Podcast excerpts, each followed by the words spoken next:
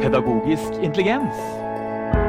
En podkast om kunstig intelligens i skole og undervisning. Hei på deg, og hjertelig velkommen til denne episoden av podkasten Pedagogisk intelligens. Og den har vi kalt for Kunstig intelligens og etikk. Og jeg har en kjempedyktig kollega på dette. Leonora Bergsjø, velkommen. Tusen takk. Du er en av nå skal jeg skryte veldig, en av landets beste vil jeg påstå, innenfor kunstig intelligens og etikk. Og derfor har vi valgt å ha med deg her som ekspertkommentator i denne episoden. Og det vi kan starte alt med, starte begynne med, er helt grunnleggende. Hva er egentlig digital etikk?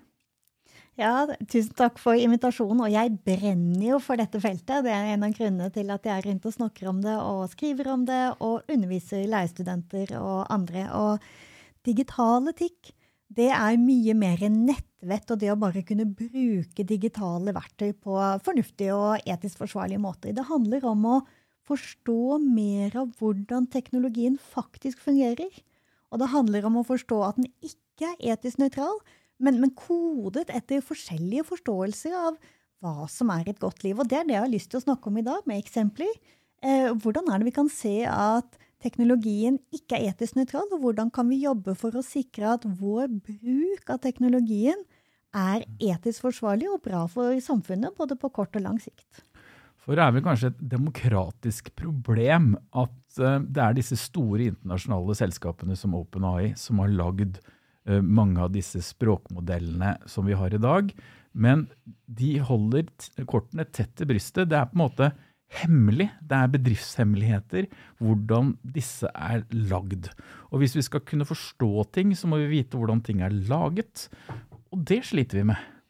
Ja, er, dette er jo et stort etisk problem at den, den, tilliten som ble gitt til de store teknologigigantene for å lage sosiale medier, alle skulle få en stemme, alle skulle kunne bidra i demokratiet på nye måter, har jo vist seg å til dels undergrave demokratiet og være problematisk. Og en av grunnene til det er at disse aktørene ikke er underlagt demokratisk kontroll.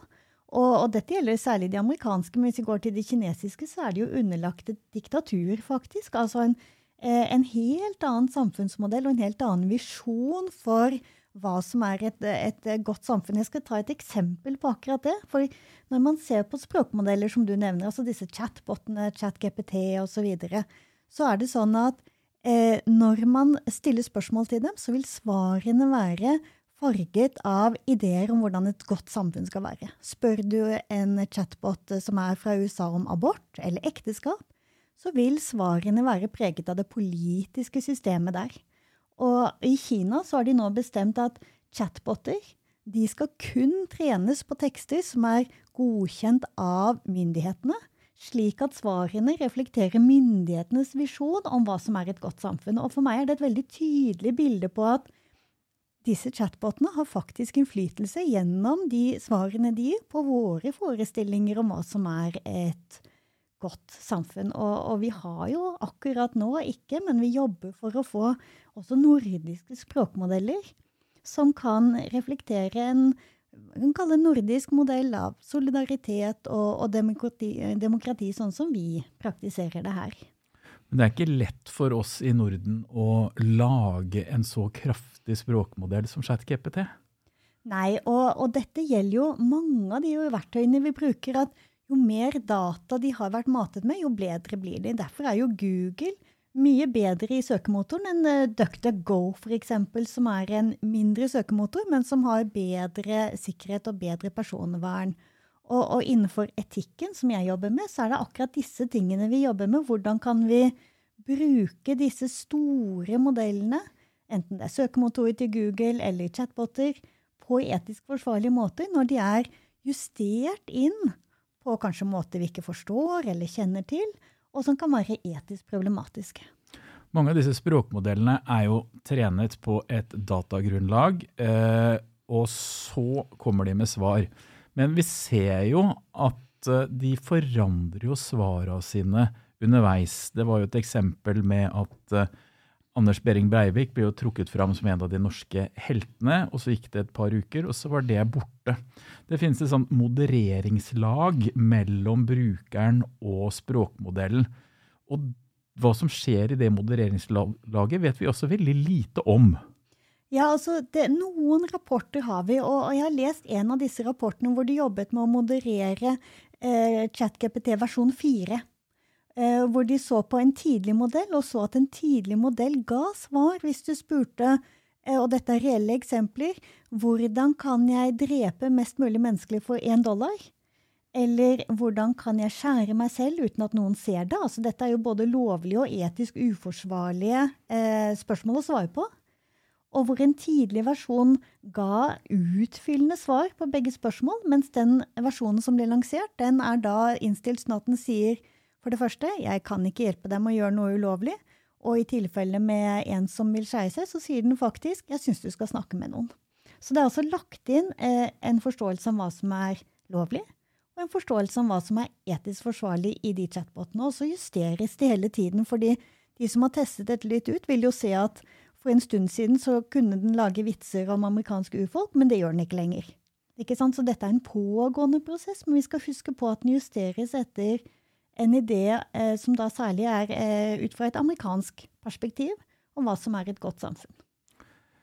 Eh, det snakkes mye om kritisk refleksjon. Eh, nå er en essensiell ferdighet, men hvorfor er det viktig nå, mer viktig nå enn tidligere? Ja, det eh, handler jo mye om hvordan vi bruker disse chatbotene. Dette er jo ikke lenger en kniv som vi skjærer brød med eller gjør noe annet. Dette er et verktøy som vi bruker til å lage tekster, til å lage bilder, til å kommunisere med andre. Etter hvert vil flere og flere av beslutningene våre være påvirket av det. Så det har potensielt veldig stor innvirkning på livet vårt. Eh, kanskje til og med hvem man dater og gifter seg med, kan være påvirket av hvilke algoritmer som har vært i, eh, i appen eh, man har brukt for å, å, komme i kontakt med folk. Sånn at teknologien som vi nå har, den digitale teknologien, får stor innvirkning i livene våre. Men hvordan har lille Norge muligheten til å prøve å få til mer etisk bruk av kunstig intelligens da mot disse gigantene av noen internasjonale selskaper? Ja, Dette er mitt forskningsfelt, og det jeg jobber med, er bl.a. etisk risikovurdering. Hvordan kan myndigheter, offentlige og private virksomheter etisk risikovurdere de verktøyene som de tilbyr norske forbrukere og norske borgere? Og, og, min erfaring er at myndighetene og, og, også private bedrifter er kjempeopptatt av å bevare den tilliten som preger det norske samfunnet i dag. sånn at akkurat nå jobber vi for at Nav, Posten, DNB, altså dette er samarbeidspartnerne mine i ett prosjekt jeg har, faktisk skal tilby etisk forsvarlige verktøy til oss. Og, og der er vi heldige i Norge, ikke sant? fordi vi har eh, strukturer rundt oss som eh, ønsker å bevare tilliten. Jeg er bekymret for på, på lang sikt og på globalt, fra et globalt perspektiv, hvor mange mennesker ikke har denne type strukturer rundt seg, sånn at vi begynner å se større og større skiller, og andre typer skiller i samfunnet enn det vi har hatt før. Eh, mellom de som er privilegerte, og de som er eh, mer og mer utsatt og i sårbare situasjoner. Ja, fordi at det er jo sånn at disse betalingsversjonene av en del av disse språkmodellene er jo helt fantastiske. Vi får skiller innad i land, og vi får skille mellom land. Eh, så hva, hva skal, hva skal, norske lærere gjøre? Altså, hva skal det norske skoleverket gjøre i forhold til eh, Skal vi da velge en språkmodell som alle har tilgang til, eller skal vi hvordan ser du den? Det er jo et kjempedilemma. Kjempedilemma. Og det første vi må gjøre, er å bruke dem klokt. Ikke sant? Enten man har den ene eller andre versjonen. Og den brukerkompetansen kan alle få gjennom skolen, enten de kan hjemme betale eller ikke betale for de forskjellige. ikke sant? Så det, det første er at vi må lære å bruke dem klokt. Og så er det et perspektiv som er viktig etisk sett, som vi ikke snakker så mye om. Og det handler om klimaavtrykket til de forskjellige, eh, særlig generativ AI generativ kunstig intelligens, som vi har i chatboter, som vi har i bildegeneratorer, bruker veldig mye mer energi enn et gammelt Google-søk. Så jeg tenker at samtidig som vi må lære å bruke det klokt, så må vi også snakke om at alle kan ikke bruke dette hele tiden. Det er ikke bærekraftig. Sånn at jeg tenker at det er kjempeviktig at vi lærer det, men vi må også snakke om når er det viktig å bruke, for hvem, hvem er det som har eh, behov som kan dekkes veldig godt gjennom teksthjelp f.eks., og hvem er det som ikke trenger det hele tiden. Er det da bærekraftig at vi har en kombinasjon av eh, chatboter og søk? Jeg vet jo flere, både Bing og også ChatGPT, har, har, løsninger der de kan kobles mot internett, og at de ikke nødvendigvis må generere hele svaret hver gang. Er det en vei å gå? Absolutt, og, og i skolen kan man jo tenke seg at læreren kan ha noen forhåndsgenererte eh, eksempler som kan diskuteres med elevene, sånn at ikke alle må generere hele tiden. Sånn at eh, elevene kan få øvd på denne utrolig viktige eh, ferdigheten som vi trenger etter hvert, på å bruke kildekritikk på eh, tekster generert av AI, f.eks. Tekster samlet inn av AI, sånn som Google gjør. Eh, uten at klimaavtrykket trenger å bli større og større. Noe som veldig mange, Vi forbereder jo elevene for å komme ut i samfunnet. Og så er det jo en klisjé som sier at uh, halvparten av de jobbene som uh, våre elever skal ut i når de starter i første klasse, eksisterer ikke osv. Uh, eh, men nå snakker jo stadig mer om en sånn derre dyster framtidsvisjon. At KI kommer og tar jobbene våre. Og hvilke ansvar har roboten, og hvilke ansvar har vi? Uh, du er her i boka di innom um, dette med selvkjørende biler. Hva skal en selvkjørende bil Hvordan skal den gjøre etiske valg? Nå ble det veldig mange spørsmål på en gang, Leonora, så du får ta ut av det som uh, kommer. Uh. Jeg, jeg, kan jo ta tak i dette med selvkjørende biler. For det som er morsomt med det eksempelet, er at det gir et, et veldig tydelig bud på dette som vi drømmer om, nemlig eh, teknologi som tar etisk forsvarlige valg for oss. Ikke sant? Tenk om biler, tenk om alle dingsene vi driver med, kunne hjelpe oss å gjøre det som er etisk forsvarlig. Ikke sant? Det hadde vært fantastisk. Og ideen er at bilen kan da, i en ulykkessituasjon hvor vi måtte bare lukket øynene og håpet at det gikk bra, faktisk gjøre det som er mest etisk forsvarlig. Så, og dette heter ethics by design, og det er noe av det vi jobber for i digital etikk og, å be om at løsningene skal være i tråd med det vi oppfatter som etisk forsvarlig. Og, og, og som lærer så er dette ikke sant, det er én måte å jobbe med digital etikk på, ethics by design. En annen er dilemmatrening, og det tenker jeg er lettere for oss. For vi sitter jo ikke og utvikler teknologi, vi bruker den. Det å jobbe med dilemmatrening, hvordan kan vi bruke teknologien, det er også en del av digital etikk. Og så er det en tredje, og det handler om å ha gode prosesser rundt bruk. F.eks. bruk av etiske retningslinjer, universell utforming. Altså vi har en del regelverk og rammeverk som, som kan hjelpe oss å finne frem til gode, etisk forsvarlige løsninger. Så disse tre, da, ethics by design, dilemmatrening og god bruk, og bruk av retningslinjer og de rammeverkene som fins, dette er alle deler av hvordan vi kan jobbe for digital etikk i praksis. Hvis vi tar dette med, med at eh, kan over... altså En klisjé om dagen er jo ofte at det er ikke KI som overtar jobben din, det er en annen arbeidstaker som bruker KI som overtar jobben din. Men det er vel ikke til å stikke under stol at uh, kunstig intelligens blir bedre enn mennesker på en del ting hvis den trenes opp riktig. Hvordan skal vi møte det i samfunnet? Ja, dette er jo noe vi er nødt til å snakke med elevene om. For de kommer, om ikke vi kommer til å stå i det dilemmaet, så kommer jo de til å stå i det dilemmaet. Og akkurat nå er det masse forskjellig i det. Du var inne på frykt i sted. Frykten for at AI skal overta. Eh, noen sier at det verste som kan skje, er at AI blir din sjef.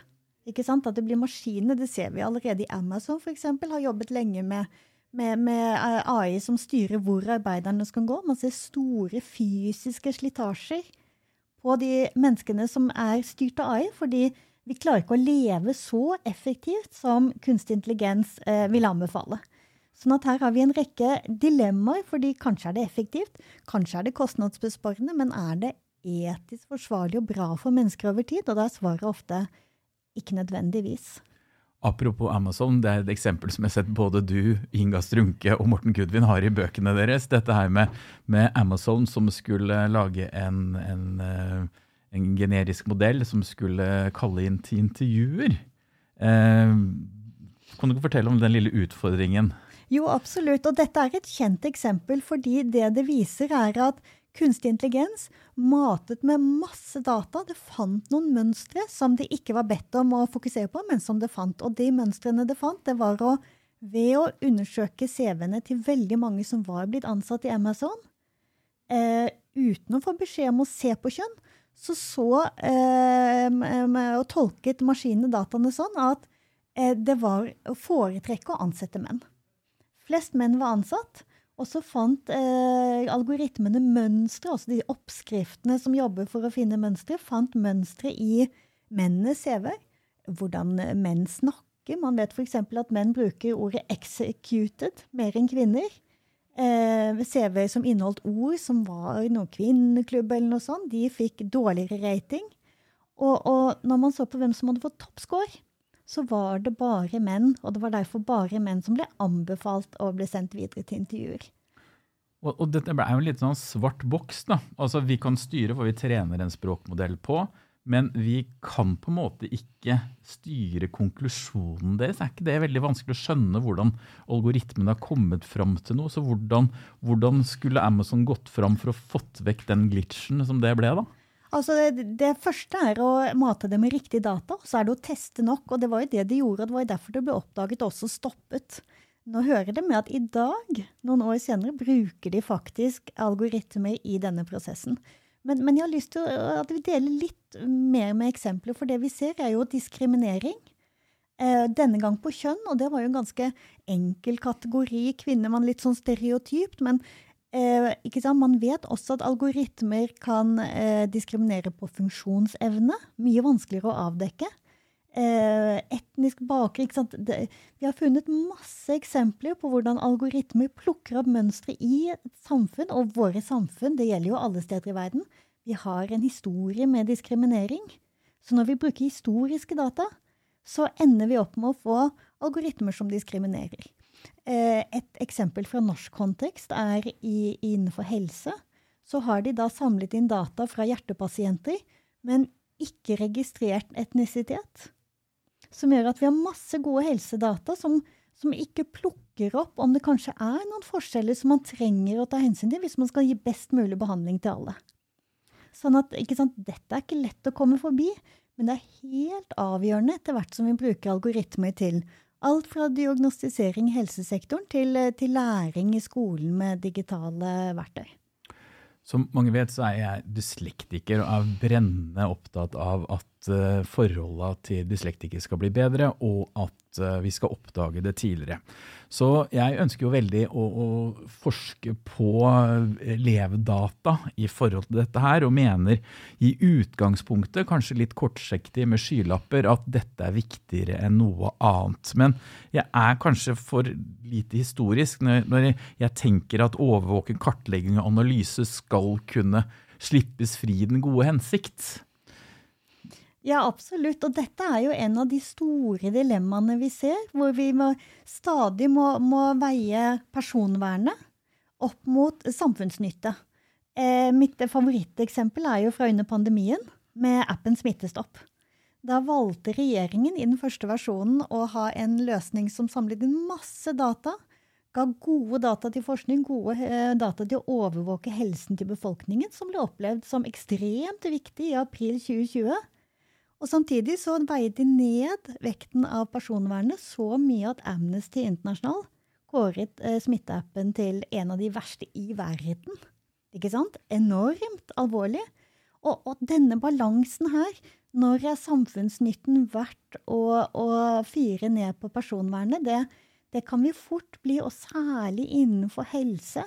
Eh, ser jeg at, at man fort tenker at jo, men livet er viktigere enn friheten.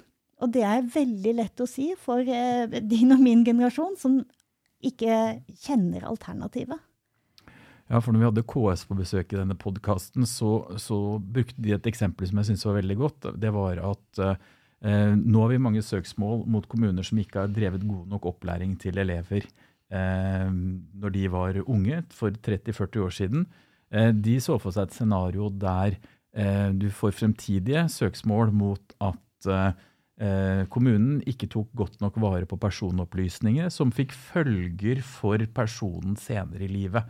Den fikk ikke jobb, den fikk ikke forsikring osv. Og, og dette er et helt realistisk scenario. Vi lever jo i en veldig god tid hvor vi har en regjering vi kan stole på, og vi er i en verdenssituasjon hvor ikke sant, f.eks. For forsikringene, eh, selskapene får ikke tak i helsedataene våre. Dette kan endre seg, og det kan endre seg fort. Sånn at jeg tenker at eh, en forebyggende praksis er helt nødvendig ut fra etiske perspektiver. Og det betyr at, at, at entusiaster som, som, som, vi begge er representanter for, vi er nødt til å tøyle oss litt. Eh, vi har kjempemasse data som kan brukes på utrolig spennende måter. Men i et langt perspektiv så er vi nødt til å være litt mer restriktive enn vi har lyst til eh, i begeistringen for hva teknologien kan hjelpe oss med. Nå skal vi snart gå inn for landing, og det siste spørsmålet mitt som jeg har til deg Og Leonora, jeg vet at du ikke er jurist, du er pedagog. eh, men eh, hvem er det som eier det innholdet som vi genererer med KI? Jeg snakker om bilder, eh, tekster, videoer osv. Hvem er det som har opphavsretten til det vi lager? Ja, Dette er et veldig bra spørsmål og veldig viktig spørsmål. og jeg tenker Vi er nødt til å, å skille mellom forskjellige nivåer her. Hvem er ansvarlig for det? ikke sant? Kan være noe annet enn hvem som er opphavspersonen eller forfatteren. ikke sant? Her er det forskjellige nivåer. Det første jeg vil si, er at den som har generert det, er ansvarlig. Ikke sant? Hvis du genererer et bilde som, eh, som eh, ligner for mye på noe du har sett før, så er du ansvarlig for den likheten du ser der. Eh, fra et opphavsmessig sted så er det jo da en eller annen kunstner, for å holde oss på bildet som eksempel, som kanskje har, eller flere kunstnere, som har skapt noe kreativt som egentlig burde vært beskyttet av opphavsrett. Som, som, har vært med å bidra til det bildet. Og, dette kommer til å avklares juridisk. Akkurat nå er ikke det avklart. Personlig så bruker jeg ikke AI-genererte bilder. Jeg har lekt med det, men, men jeg bruker det ikke i praksisen min fordi dette er uavklart. Jeg tenker det er uetisk av meg å bruke det. Og da hører du at jeg har en restriktiv praksis. Ja, da er du restriktiv. For det du snakker om da, Leonora, det er jo at eh, disse som har generert disse dataene som modellene er trent opp på, mm. de er stjålet. Eh, ja. Uten at opphavsrettsmannen har fått eh, denne godtgjøringen. Mm. Og så er den trent opp på det. Eh, de holder jo ofte tett, kortene tett til brystet, sånne som OpenAI, på hvordan de er trent opp. For de forteller ikke at det er noen som er opphavsmannen. Det er helt riktig, og, og, og der kan man velge å ha en mindre ikke Jeg er jo digitaletiker. Jeg, jeg tenker jeg er nødt til å ha en gullstandard, og gullstandarden, så lenge dette er uavklart, er faktisk å ikke bruke det.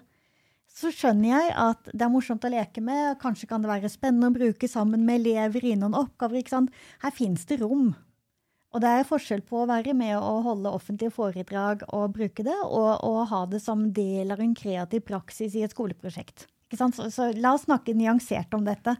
Men akkurat nå er det juridisk uavklart, både når det gjelder tekster og bilder. Og, og jeg syns det er et godt eksempel på hvor fort teknologien utvikler seg. Og hvor langsomt den juridiske prosessen ved å følge det er. Og derfor, sant, mellom den teknologien som er mulig, og den som er juridisk eh, regulert, så er det et rom hvor vi er nødt til å bruke etisk skjønn eh, for å finne ut hvor vi vil plassere oss. Hvordan kan vi ut, eh, ta de mulighetene som er mulig i bruk? Og det tenker jeg etisk sett at vi også skal. Vi er nødt til å bruke det handlingsrommet. Men vi må bruke det etter beste etisk forsvarlig praksis. Og dette er en utfordring som lærere og elever og alle må finne ut sammen. Her er det ikke ett svar med to streker under, men eh, gode praksiser hvor man kan ha velbegrunnede avgjørelser. Det ble dagens siste ord. Takk skal du ha, Lene Åre. Tusen takk for at jeg kom, og lykke til.